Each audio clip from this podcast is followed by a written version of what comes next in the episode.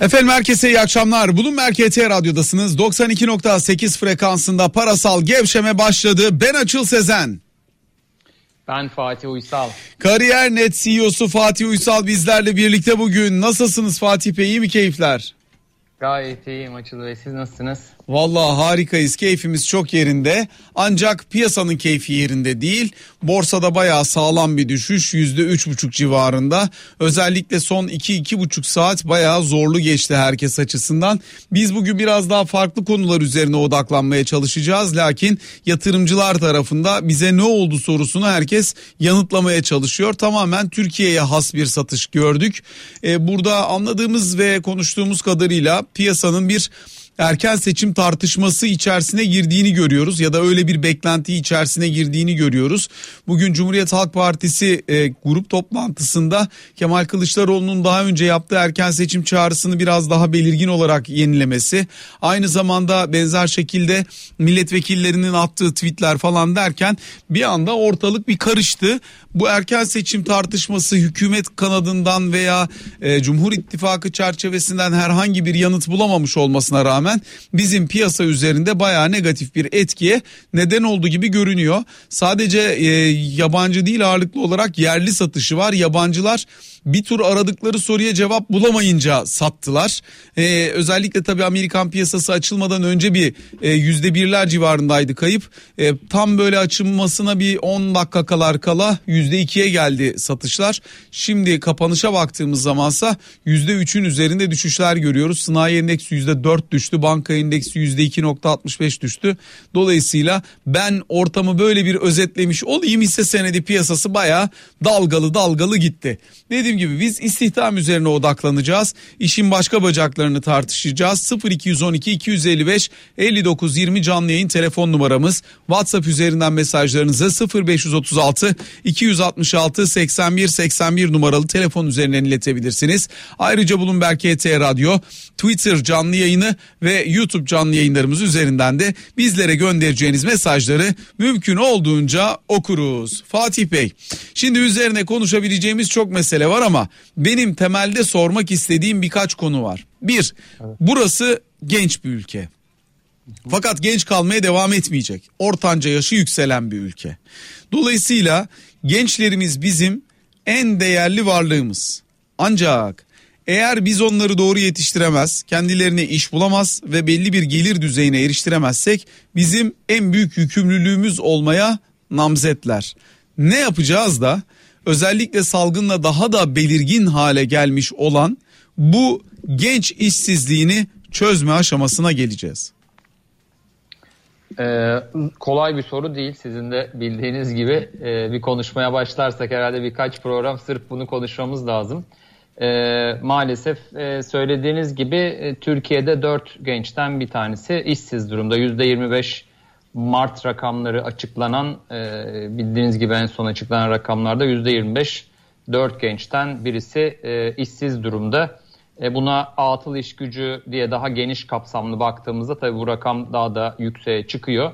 E, açıkçası tabii ki yani çok basit cevabı daha fazla istihdam olanağı yaratmak. Ama bu tabii ki onun da bir arkasından nasıl e, sorusu sorulabilir. Şimdi biraz burada belki e, istihdam piyasasını e, ayırarak, kırarak bakmak lazım. E, sonuçta farklı farklı sektörler var. Dört başat sektör var bildiğiniz gibi tarım, sanayi, inşaat, hizmet sektörleri.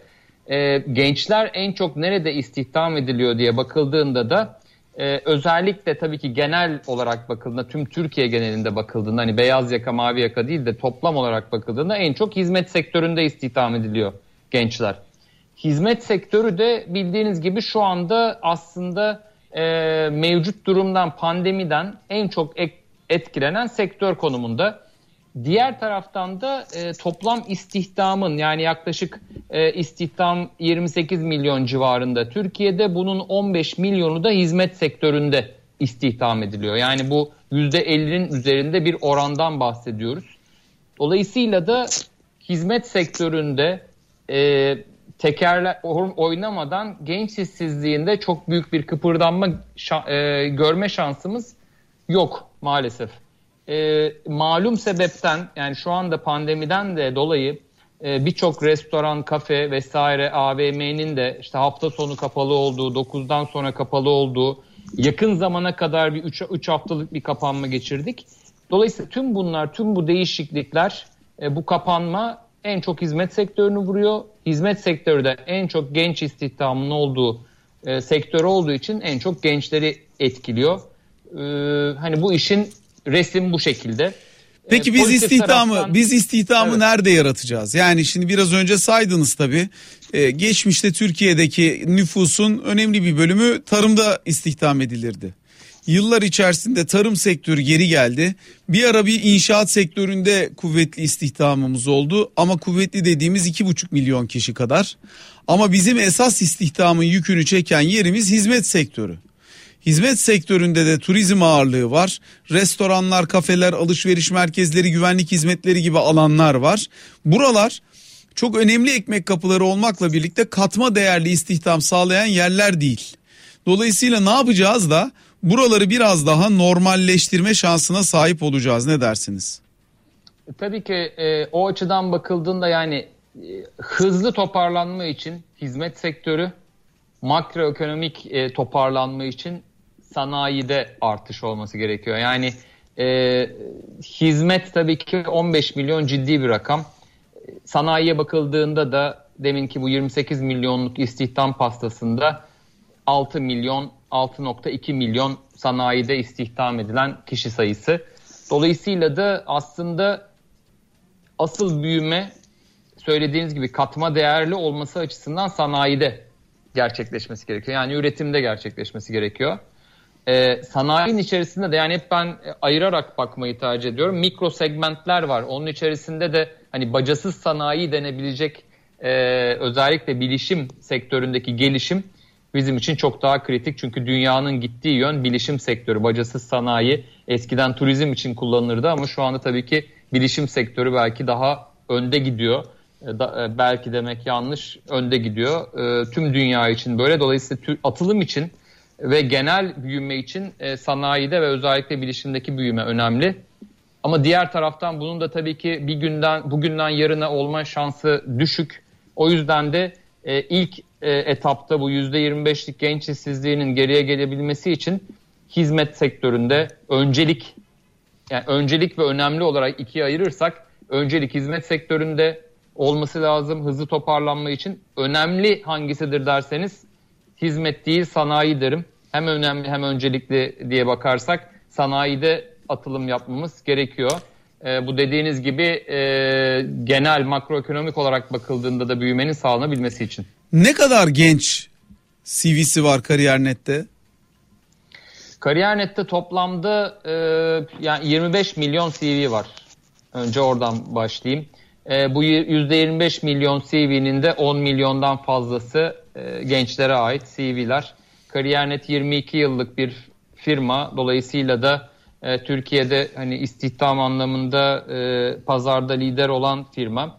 E, biz tabii e, sizin bildiğiniz gibi 3 sene önce e, yeni bir ürün de çıkarttık. E, mavi yaka segmentindeki istihdama destek olmak amacıyla işin olsun adı altında. E, daha çok tabii ki hizmet sektörüne e, hizmet ettiğimiz için işin olsunla orada da çok ciddi sayıda genç e, barındırıyoruz. E, şu anda işin olsun 5 milyondan faz, fazla kez indirilmiş durumda. E, dolayısıyla da bu 5 milyonun içerisinde e, yarıdan daha fazla genç e, barındırıyoruz. E, toplu olarak bakıldığında hani 15 milyon civarı denebilir e, toplamda bizim e, bizim sahip olduğumuz e, hizmet verdiğimiz e, genç sayısı. Şimdi bu gençler ne talep ediyor biraz da bunu sormak isterim. İş talep ediyorlar ama çalışanları da başka şeyler talep ediyor. Bir de aynı zamanda bizim gençliğimiz ki biz yakın jenerasyonlarız hemen hemen sizinle. E, işte 40 yaş üstü diyecek olursak kabaca e, bizim neslimiz biraz daha işte ustadan öğrenmeye meyyal. Usta çırak ilişkisi ezoterik yaklaşım içerisinde kıdem kazanana kadar e, sürünülür ondan sonrasında bu işin sefası sürülebilir diyen yaklaşımda aynı zamanda işte fotokopi çekmekten tutun bütün ayak işlerine kadar koşturan büyükler höt dedi mi duran her türlü saygı e, tarafındaki duyarlılığa da sahip bir ekolden geldik. Yeni jenerasyon öyle değil. Yeni jenerasyonun refahı bekleyecek sabrı yok. Yeni jenerasyonun her şeye çok hızlı sahip olma, hızlı sahip olduğu şeyi de çok hızlı tüketme arzusu var. Bu çok büyük bir suçlama gibi görünüyor olabilir ama belki biz de üst jenerasyonumuzun gözünde öyleydik. Şimdi nasıl değerlendireceğiz o yola dediğimiz you only live once diye çevirebileceğimiz bir hayat var kardeşim çok hızlı yaşamak istiyorum ben diyen bu jenerasyonu. Şimdi e, aslında e, bahsettiğiniz çok doğru. E, bu jenerasyon e, teorilerinde hep aynı şey geçerlidir. Bir önceki jenerasyon bir sonraki jenerasyonu eleştirir. Hatta bununla ilgili çok meşhur bir anekdot da var. Gençler, bu dönemin gençleri çok işte asi sürekli bir şey okuyorlar diye sanıyorum bu 13. yüzyılda mı 12. yüzyılda mı edilen bir kelam.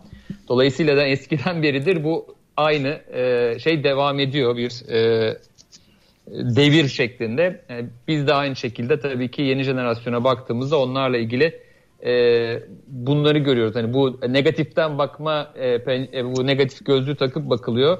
E, diğer taraftan şöyle bir durum da var. E, özellikle pandemi süreci tabii ki bu e, bahsettiğiniz trendi çok daha hızlandırdı. Ve e, şu anda biliyorsunuz iş dünyasında böyle dört harfli kısaltmalar çok meşhurdur. İşte e, FOMO denir. İşte fear of missing out yani e, dışında kalma e, korkusu. İşte SWOT analizinden bahsedilir vesaire. Şimdi yeni bir dört harfli terim çok kullanılıyor sizin de söylediğiniz gibi YOLO. Ben onu Türkçe'ye şöyle çeviriyorum. Şimdi you only live once dediğimizde hani daha böyle bir teknik duruyor da aslında kısaca Türkiye Türkçe'de amiyane tabirle bir daha mı geleceğiz dünyaya şeklinde çevrilebilir yolu. Ee, şöyle bir durum var. Bu sadece Türkiye için geçerli değil. İlk önce onu söylemek gerekiyor. Ee, yolu aslında e, ilk tabii klasik işte Amerika'da kullanılmaya başlanan aslında 2012 yıllarına dayanıyor. Bu Yolo bir rap şarkısında çıkmış ee, ve arkasından da işte siz de gayet iyi bilirsiniz borsada risk iştahı yüksek olan hani ne olacak canım şeklinde yatırım yapan kişiler için de bu yolu kullanılıyor. Şu anda da genel olarak iş dünyası için kullanılıyor. Ee, bu e, aslında hani jenerasyon olarak bakıldığında öncesinde bizim yeni jenerasyonda gördüğümüz bir alışkanlıktı. Şu anda tüm aslında genel olarak görülen bir trend. Nedir bu? İşte hani bir daha mı geleceğiz dünyaya şundan dolayı tetiklendiği e, görülüyor özellikle tabii ki pandemi içinde bulunduğumuz e, kriz bir sağlık krizi olduğu için birçok insan şunu fark etti. Ya tamam bu kadar çalışıyoruz da bak bir sağlık krizi ortaya çıkıyor. Hani yarın yaşayacağımız kesin değil. Çünkü her an her şey olabilir.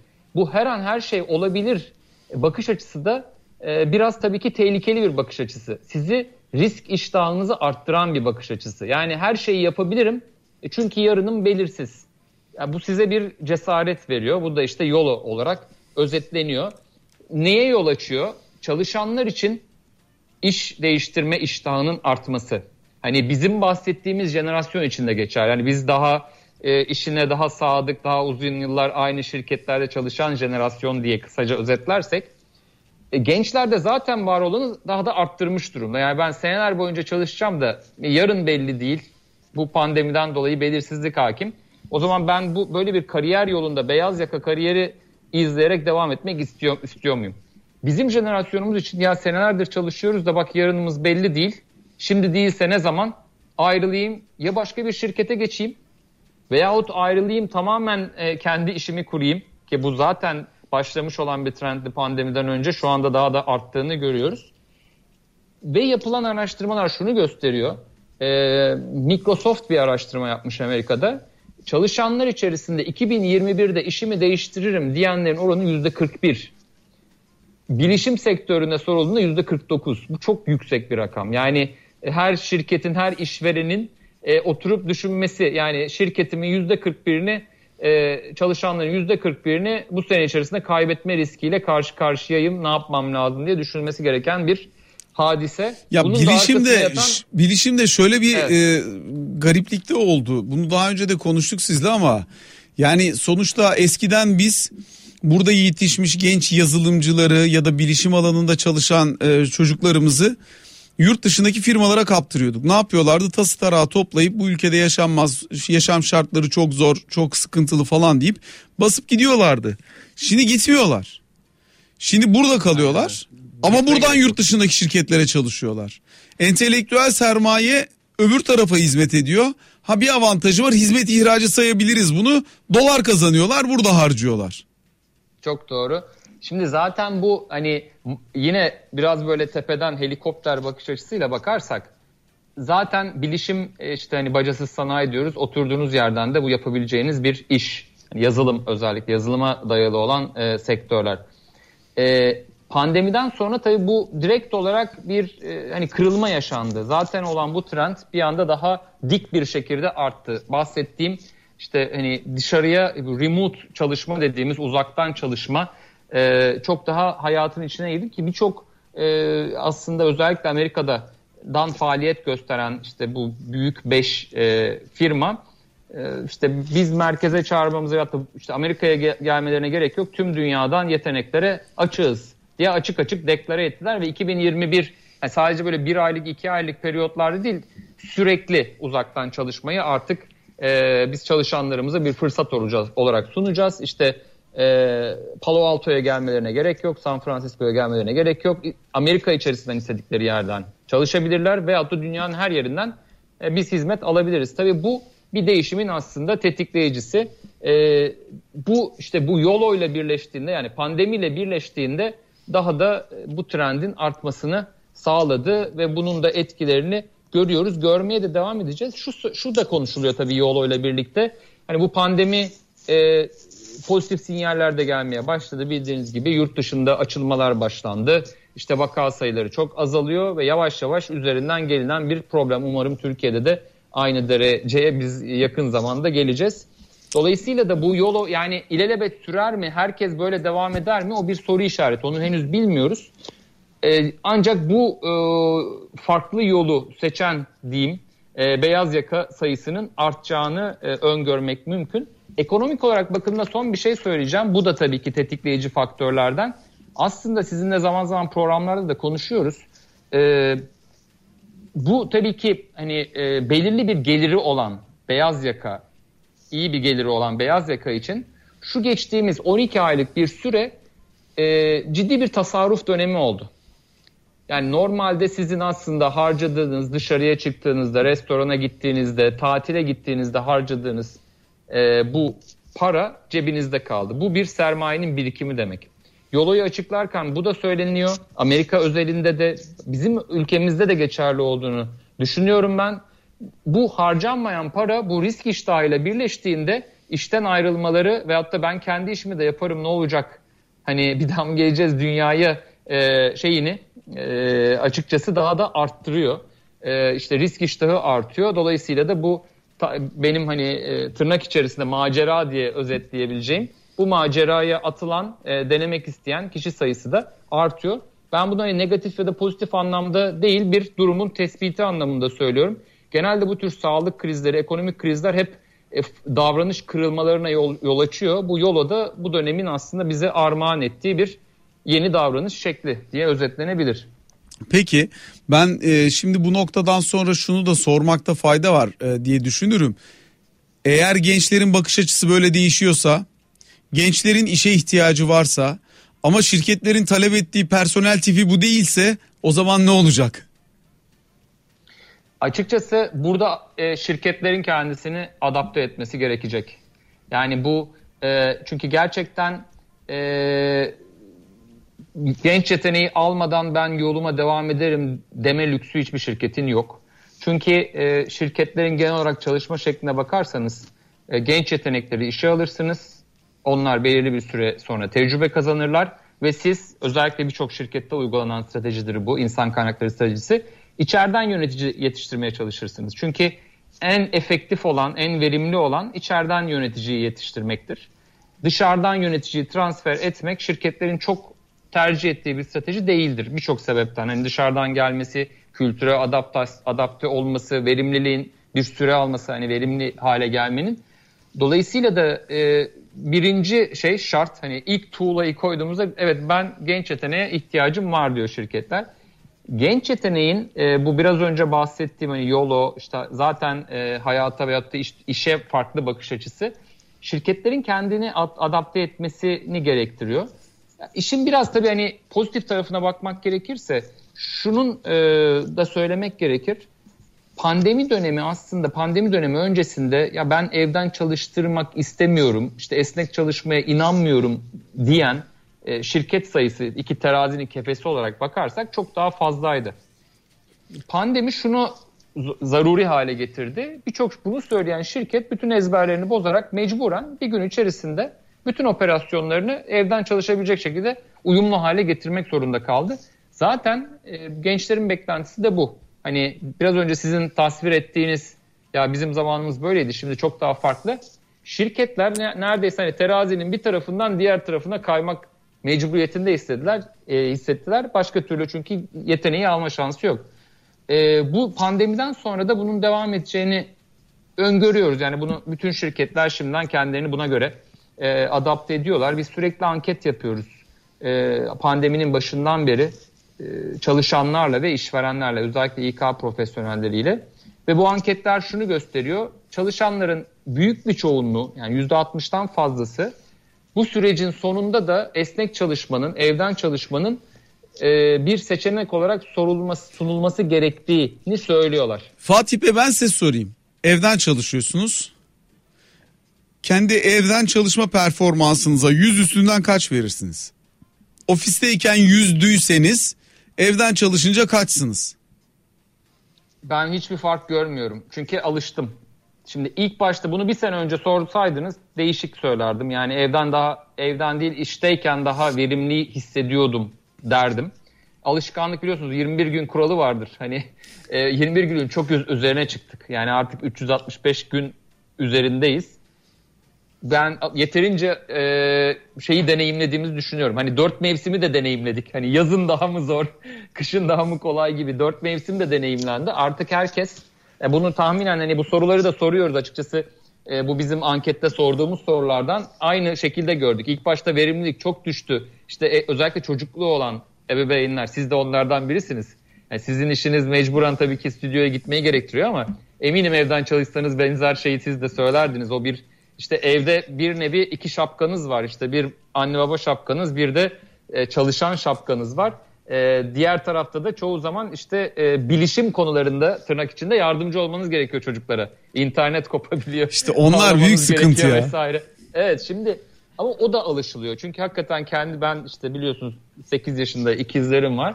E, belirli bir süre sonra artık bize hiç ihtiyaç duymuyorlar. Aynı alışma sürecinden onlar da geçti ve şu anda kendileri bağlanıyorlar. Bir şekilde derse giriyorlar. Hani sürekli böyle şey duymuyorsunuz toplantı aralarında baba bir dakika yardım eder misin şeklinde. O bir alışma sürecinden geçtik. O, o da bizim verimliliğimize pozitif anlamda katkıda bulundu. Yani geriye dönüp baktığımda şu anda eskisi kadar verimliyim diyebiliyorum. Ee, ama şu an şunu söylemek lazım. Peki ekibiniz tane, 100 performans veriyorduysa şimdi kaç veriyor? Ee, çok iyiler. Ee, ekiple ilgili hiçbir e, sıkıntı hissetmiyorum. Gerçekten bütün yani kendi işte kariyer için konuşmam gerekirse bütün ekip aynı süreçten geçti ve biz aslında hemen birinci günde tabii internet platformu olmanın verdiği bir avantaj. Biz işte 16 Mart'ta yanlış hatırlamıyorsam e, şirketi eve gönderdik diyeyim. Hemen 17 Mart'ta tekrar operasyonu başlatabildik ve çok hızlı bir şekilde adapte olduk. Çok iyi bir ekip var ondan yana hiçbir e, kaygım olmadı. Şöyle bir şey var Açıl Bey aslında bunu e, bir söyle, not olarak iletmek isterim. Ben e, bunun uzun vadede çok sağlıklı olmadığını düşünüyorum evden çalışmanın. Şimdi e, şu açıdan şimdi mevcut çalışanlarınızla devam edebiliyor olsanız evden çalışma bir alışkanlık ve adaptasyon ama şirketlerde doğal bir tabii ki e, devir daim var. Yani bir kısım çalışanınız ayrılıyor veyahut da şirket büyüyor yeni çalışanları aranıza katmanız gerekiyor. Yeni çalışanların kültürel adaptasyonu anlamında şu anda e, o adaptasyonu sağlamak daha da güçleşti. Nasıl adapte olursunuz? Siz de bir işe başladığınızda eminim aynı süreçten geçtiniz. İlk önce gidersiniz. İşte birinci günün bir öğlen bir yemeğe çıkarsınız. Kahve aralarında birkaç kişiyle görüşürsünüz. Bir süre sonra alışka işte bir şakalaşmalar başlar vesaire. Bu özellikle hani koridorda olan, yemekte olan sohbetlerdir insanları hani şirketlere alıştıran unsurlar. Şu anda bunlar ortadan kalktı. Eski çalışanlar için çok daha az bir dert. Ama yeni çalışanlar bundan e, mahrum kaldıklarında onların şirkete adapte, adapte olma süreci biraz daha sıkıntılı oluyor. Dolayısıyla uzun vadede en çok hani insan kaynakları profesyonelleri şu an neye kafa yormalılar? Bence buna. Yeni çalışanları nasıl şirkete adapte edebilirim? Kültürü de veremiyorsunuz çünkü yani burası nasıl nasıl bir yer yani dinamik insanların çok e, birbirleriyle iletişimlerinin kuvvetli olduğu bir yer mi? Saha ekipleri normalde bir araya gelip aldıkları vizyonu alabiliyorlar mı? Veya kendi içerisinde belki beyin fırtınası yaparak belli bir verimi üretecek bir iş kolundaysanız o olmadığında nasıl oluyor gibi çok soru işareti var. Kesinlikle. Dolayısıyla da e, aslında bu şu değil hani imkansız bir e, tablo e, çizmek için söylemiyorum bu bizim dönemin normaliydi. Hani biz işte hani yemeğe çıkılır, kahve içilir vesaire bu şekilde işe adapte oluyorduk. Şu anda bir geçiş dönemindeyiz. Yeni dönemde yeni çalışanlar için de bir e, yine ama şu değil mutlaka bir araya gelerek insanların birbiriyle iş dışında da vakit geçirmesini sağlayarak bu yöntemleri hayata geçirerek e, bu adaptasyonun kolaylaştırılması e, lazım. E, biz de kendi şirketimden örnek vermek gerekirse bizim insan kaynakları birimimiz, birimimizde normalde işte bizim terasımız vardı. Bu teras buluşmalarını dijitalde tekrar düzenlemeye çalışıyoruz. Aynı şekilde hani iş haricinde e, insanların bir araya gelmesi, sohbet etmesi.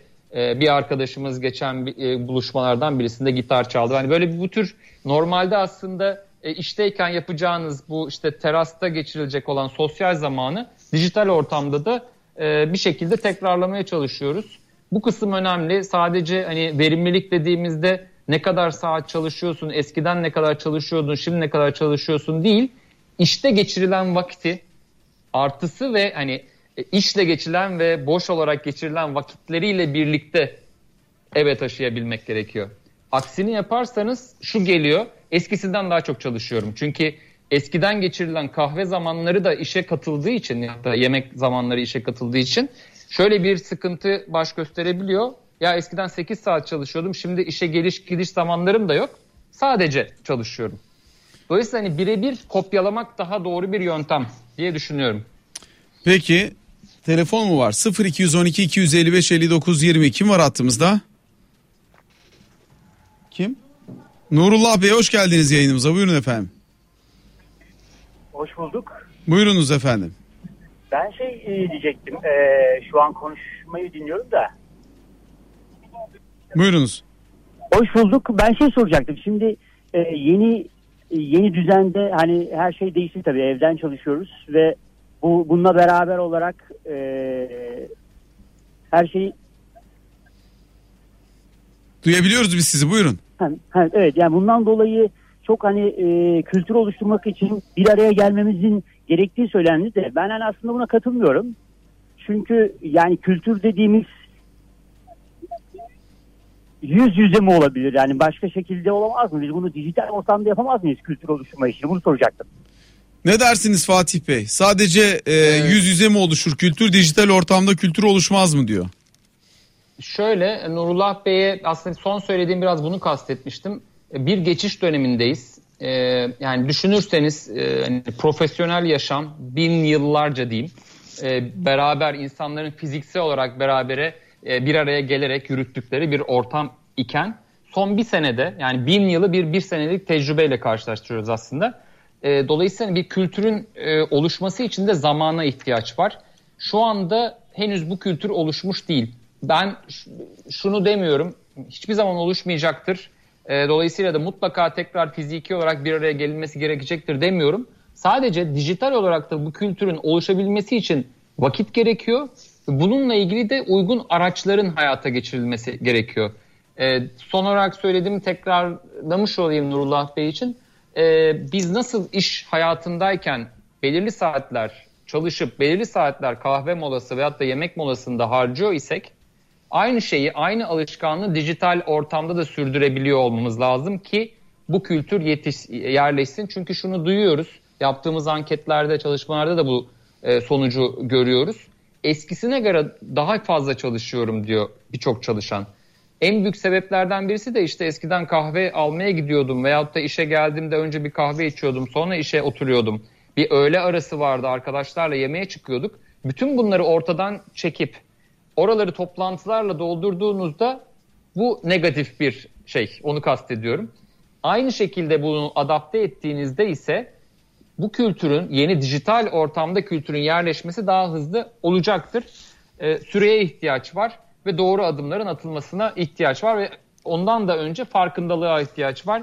Ee, aksi halde çünkü e, sıkıntılar baş gösterecek ve biraz önce bahsettiğim gibi yeni e, işe başlayanlarda işten ayrılma oranlarının daha da fazla olduğunu görüyoruz. Peki e, şirketler bu dönemde ne arıyor biraz onu sormak istiyorum size. Çünkü şu anda mesela kur e, 8.48'e geldi dolar TL. E, bir taraftan kur baskısı var bir taraftan piyasaların pek bir tadı yok falan yani işler parametre olarak baktığımız şeyler çok iyi görünmüyor. Ee, geçen sene çok ciddi kredi verildi Türkiye'de. Fakat bu krediler piyasa gerçeğinin ötesinde çok düşük faizlerle verildi. Şimdi bunların ödeme zamanı veya yapılandırmaları geldiğinde faiz 25'e çıktı. Yani 8 ile 9 ile 7 ile aldığın kredinin faizi 25. Şimdi bu ortamda bir şirketlerden yeni istihdam beklenir mi? İki, eğer yeni istihdam beklenecek ise bu dönem o dönem mi biraz beklemeyi tercih ederler mi? Siz gelen ilanların şiddetine, yoğunluğuna baktığınızda bu etkiyi hissediyor musunuz acaba? Şimdi tabii ki e, farklı farklı dönemlerden geçiyoruz. Yani e, iş istihdam piyasasına bakıldığımda özellikle hani 2021 içerisinde birden fazla farklı dönemi yaşadık. Bir 1 Mart öncesi var. 1 Mart sonrası var. 29 Nisan 17 Mayıs arası var. 17 Mayıs sonrası var. Yani şimdiden 4'e ayırabiliyoruz.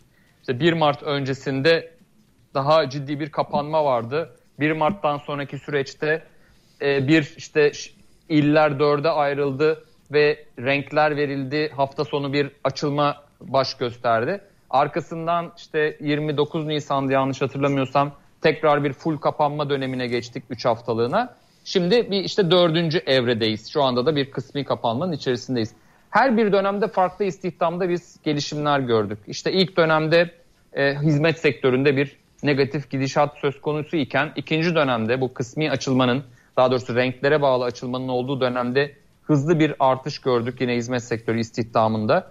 E, bu Nisan dönemi Ramazan da olduğu için istihdam piyasasında zaten sezonsallığın olduğu bir dönem e, iş bulma faaliyetleri, iş arama faaliyetleri, zamanları değişiyor. Daha fazla sahur vaktinde işin arandığını görüyoruz biz. Örneğin e, normal aylara göre saat 4'te 5'te bizim trafiğimiz çok daha fazla artıyor. E, farklı dönemlerde farklı etkileşimler var. Açıkçası e, biz pozitif olarak bir gidişatı görüyorduk. Yani e, ha, görüyoruz diyeyim, e, dili geçmiş olmasın. E, Nisan ayında da işte Mart ayında da bu e, birçok sektörde e, pandemi öncesindeki rakamlara ulaşıldığını görüyoruz. Kariyernet'in ilan sayılarına baktığımızda da aynı trend söz konusu. E, bugün yaşadığımız e, durum hani bu doların özellikle biraz önce borsada bahsettiğiniz dalgalanmanın etkisi uzun soluklu olursa veyahut da bir işte erken seçim gibi bir durum söz konusu olursa bunun tabii ki etkilerini önümüzdeki dönemde göreceğimizi düşünüyorum. E yine pozitif olarak bakıldığında ne var? Önümüzde tabii ki yaz dönemi var. Ee, eğer beklenen şu biraz Haziran'dan sonra normalleşmenin olacağı e, ve en azından restoran, kafe vesairenin açılacağı gibi bir beklenti var. E, dış turizm değil ama iç turizmin daha hareketleneceği gibi bir bekle var, beklenti var. E, bunun hizmet sektöründe bir pozitif e, artışa yol açacağını e, düşünüyorum. E, biz açıkçası e, biliyorsunuz Açıl Bey uzun vadeli maalesef Türkiye'de e, rakamlardan veyahut da tahminlerde bulunmak çok mümkün değil. E, daha çok böyle an içerisindeki duruma göre istihdam piyasası ile ilgili e, resmi görebiliyoruz ve onunla ilgili çıkarımda bulunabiliyoruz. Önümüzdeki süreçte hani bulunduğumuz yerden bakıldığında bu şekilde e, görüyorum. Tabii ki farklı değişkenlerin e, çok bağlı. Bunların değişimi durumunda farklı bir tabloda olabilir. Peki bir dinleyicimiz daha var hattımızda 0212 255 59 20 kimdir? Bahar Hanım buyurunuz. Bahar evet Aksinger. Hoş geldiniz ederim. efendim buyurunuz. Sağ olun.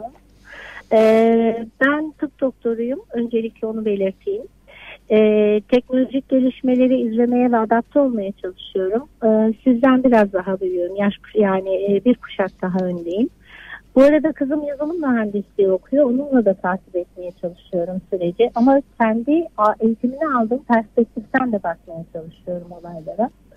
Ee, beş tekno şirketin, büyük tekno şirketlerin bizi sürüklemeye çalıştıkları bir e, nokta var. Ama e, bu nokta onların istediği gibi dizayn edilirse bu insanların sonunu bile getirebilir diye kaygılıyım.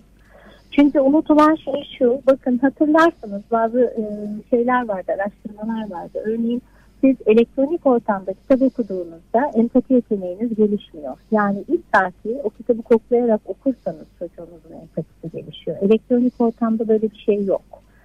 Üstelik insan sosyal bir varlık. O yüzden biz cenazelerde e, üzüntümüzü, e, dinlerde de sevinçlerimizi paylaşan bir e, insan topluluğuyuz. Ve insanlar kolektif zekayla dördüncü teknoloji seviyesine kadar ulaşabildiler. Çünkü hayvanlardan bizi ayırabilen ayıran en önemli özelliğimiz sosyal toplumsal zekamız. Ve bunu birbirimize kuşaklar boyu aktarıp kolektif zekayı kullanabiliyor olmamız. İnsanı insan yapan kolektif yaşamıdır. Siz bunu tamamen yok farz edersiniz. İnsanlığı yok farz edeceksiniz. Bakın bu dönemi belki geçirdik. Belki bu zorlama bir dönem. Belki bunların büyük bir kısmı da kurgu. Ama e, eninde sonunda insanlık bunun bedelini çok ağır ödeyecek ben bir hekim olarak en azından sosyal ve psikolojik çok büyük travmalara uğradığını toplumun ve gelecek yıllarda bunların bir şekilde ceremesinin çekileceğini düşünüyorum. Çok doğru bir kaygı, çok haklı bir kaygı. Çok teşekkür ediyoruz aradığınız ve katkı sunduğunuz için. Çok sevgiler, selamlar. Ne dersiniz Fatih Bey? Bu bence önümüzdeki dönemin çok tartışılacak konularından bir tanesidir. E, bu travma nasıl evet. atlatılır, hayat nasıl normale döner, nasıl normalleşir diye. Yağız da mesela YouTube'dan yazmış. Ağustos sonuna kadar alt yaş grupları dahi aşılanır şeklinde bir planlama öngörüldüğünden istihdamda da acaba o dönemde bir olumluya gidiş olur mu? Bu yani hem istihdamın hem hayatın hem yaşantının her alanının normalleşmesi ne dersiniz? Şimdi e, Bahar Hanım'ın söylediği kesinlikle yani ona aksi bir şey ifade etmek zaten e, doğru olmaz. Tabii ki insan sosyal bir varlık. E, bahsettiği kaygılara da e, tamamen e, katılıyorum. E, diğer taraftan tabii e, insan so, çabuk adapte olan da bir e, varlık. Dolayısıyla da e, hani nasıl biz işte e, dijital dünyaya e, adapte olduysak mevcut şartlarda biraz önce sizin sorduğunuz soruda gibi hani ne kadar verimlisiniz diye sordunuz. 21 günden sonra insan gayri ihtiyar bulunduğunuz e, sürece adapte oluyorsunuz. Bunu hani sizin isteyip istememenizden bağlı olarak bir adaptasyon sürecinden geçiyorsunuz. Adapte oluyorsunuz e, bu, ama bu yan etki üretmeyeceği anlamına gelmiyor tabii. Kesinlikle şimdi oraya gelecektim. Şimdi yan etkisiyle ilgili olarak da e, ben şöyle bakıyorum. Hani e, optimist bakmanın her zaman için insana daha faydalı olduğunu düşünüyorum. Şimdi e, bir önceki programınızda da bahsetmiştim aslında. E, yani bir sene önceye göre bakıldığında daha optimist olmamızı gerektiren sebepler daha fazla. Bir sene önce bu yayını yaptığımızda bütün dünyada bir e, kapanma söz konusuydu. Dolayısıyla ve ortada bir aşı yoktu. Ne olacak diye herkes birbirine bakıyordu. Yani bu ne kadar devam edecek, e, ne kadar sürer, ne kadar daha negatif olur, kaç bin vaka göreceğiz vesaire gibi. E şimdi bakıldığında e, en azından hani Türkiye'de biz bunu gözlemlemedik ama yurt dışında e, e, Amerika, İngiltere ve, ve birçok ülkede e, normalleşmenin hayata geçmeye başladığını görüyoruz. E, bu tabii ki hani buna post traumatic disorder deniyor biliyorsunuz. Özellikle e, travma sonrası uyumsuzluk oluyor. Aynen savaşan askerlerde görünen ilk başta herkes işte dönüyor özellikle bu Irak Savaşı'ndan sonra ortaya çıkan bir terimdi. E, savaştan dönüyor her şey normal diye düşünülüyor ama sonradan çok farklı aslında psikolojik problemlerle karşılaşılıyor ve onun üzerine bu e, ciddi bir hani branş haline geliyor diyeyim. E, dolayısıyla hani bunu da şu anda tabii ki hiç kimseyi hiçbir şekilde etkilemeyecek demek mümkün değil. Bunun bu sürecin e, ne kadar daha e, devam edeceğine bağlı olarak bu e, travma sonrası stresinin de kalıcı olup olmayacağı ortaya çıkacaktır diye düşünüyorum. E, bu mutlaka hani negatif olarak etkilenecek. Burada şey de çok önemli. Tabii ki sadece psikolojik olarak etkilenme değil ama hani kendi işim sonuçta istihdamla ilgili olduğu için yani bu iş fırsatlarıyla ilgili olarak da daha pozitif bir e, gidişat biraz önce ismini e, unuttum Yavuz Bey'di galiba YouTube'dan sonra hani sonrasında Yağız. ne kadar Yağız Bey pardon Yağız Bey'in söylediğiyle de birleştirirsek evet hani bir normalleşme olması tabii ki gayri ihtiyar ki biz bunu Mart ayında gördük. Yani direkt olarak bu işte renk kategorizasyonundan sonra bile iş fırsatı, iş ilanı sayısında kariyernette ciddi artış gördük. Dolayısıyla da bu mutlaka pozitif bir e, etkisi oluyor. E, sanayi üretimine pozitif bir etkisi oluyor. Bunun e, bu şekilde hani pozitif bir tablo olacağını, şu ana göre daha pozitif bir tablo olacağını söylemek e, mümkün. E, yani genel olarak bunu böyle toparlayabilirim. Özgür Bey yine YouTube'dan demiş ki yani e, işte Türkiye'de beyaz yakayı 350 dolara çalıştırıyorlar. E, hakikaten bunlar büyük sıkıntılar. Ben bir parça bunu da sormak isterim. Hatta bir örnekle söyleyeyim. E, bir arkadaşım benim yazılımcı arkadaşım bir şirkette çalışıyor. Çalıştığı şirkette genel müdürle aralarında bir anlaşmazlık oluyor ve genel müdür yazılımcı olan arkadaşımı işten çıkarıyor işten çıkarma yasağı var ama hani bir çeşitli yolları var bir de git demeye getiriyor o da çıkıyor. Çıktığının ikinci günü e, dışarıda çevresindeki arkadaşlarına diyor ki böyle böyle ben ayrıldım. İkinci günün akşamında bir tane yurt dışındaki şirketten bir İngiliz şirketinden teklif alıyor. Aldığı teklif İngiliz standartlarında çok düşük olmakla birlikte arkadaşımızın burada çalıştığı o genel müdür kendisini işten çıkartan genel müdür maaşının yaklaşık iki katına denk geliyor. Ve orada çalışmaya başlıyor.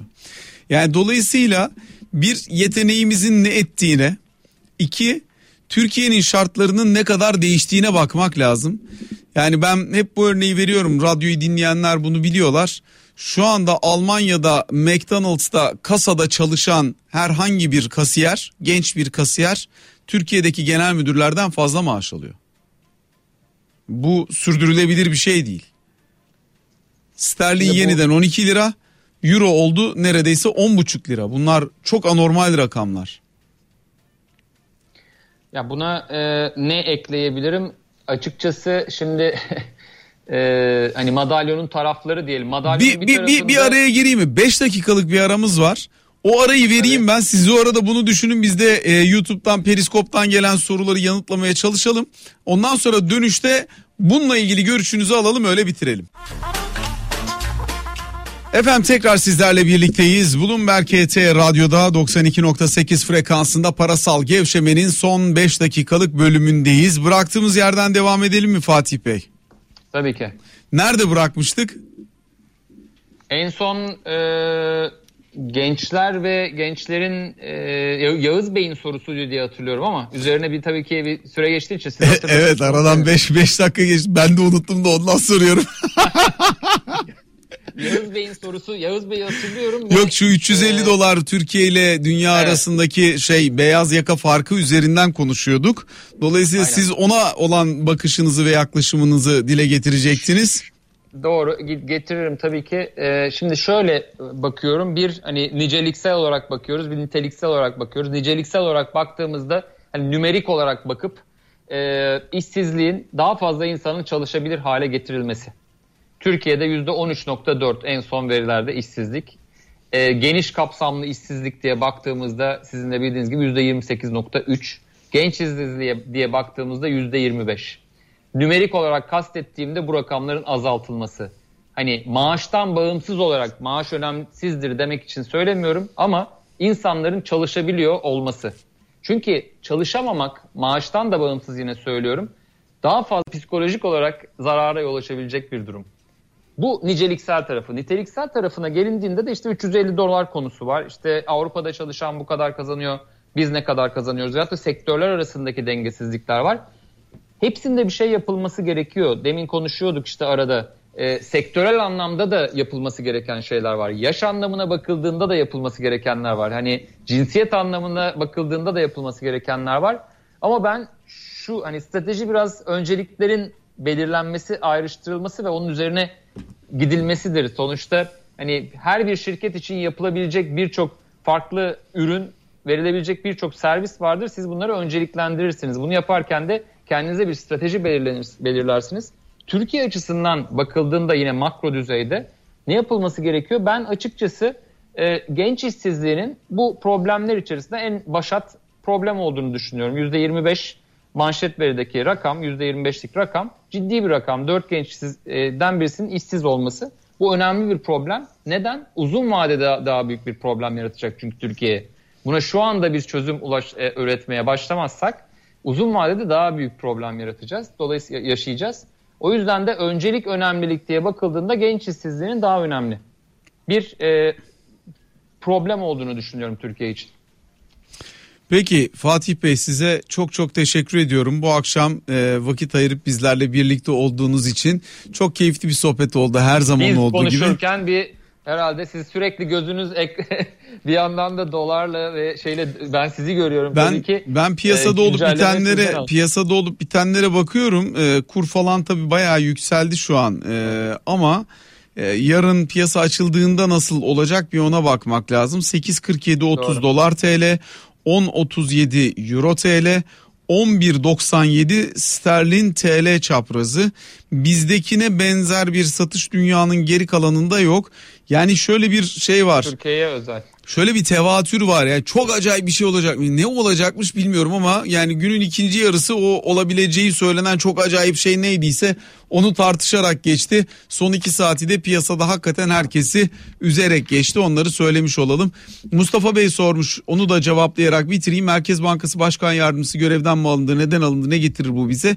Bir şey değiştirmez. Oğuzhan Bey çok kıymetli bir akademisyendi o ayrıldı. Profesör Doktor Semih Tümen geldi. Bu tür başkan değişikliklerinin ardından normalde olmasını beklediğimiz kadro değişimlerinin bir yansımasıdır. Dolayısıyla e, entelektüel sermayesi olan kurumlardan biri Merkez Bankası her ne kadar başkan değişimleriyle reputasyon çok fazla tartışmalı hale gelmiş olsa da oradaki ekip sağlam kendi işini üreten kaliteli kalibresi yüksek gençlerden oluşuyor. Hani bizim o yetenek havuzunun en zirvesinde gördüğümüz yani Ankara'da bir iktisat bir işletmeden mezun kim varsa girmek isteyebileceği yerlerden biridir Merkez Bankası. Hem özlük haklarıyla hem kapasite olarak dolayısıyla Türkiye'nin en parlak beyinlerinin belki yer aldığı kamu kurumlarından bir tanesidir. O yüzden orada e, giden de gelen de çok değerli insanlar. O yüzden bir şey değişeceğini düşünmüyorum ben kendi adıma. Fatih Bey'e bir kez daha teşekkürler. Kendinize iyi bakın. Hoşçakalın. Ben teşekkür ediyorum. Sağ olun. Sağ olun.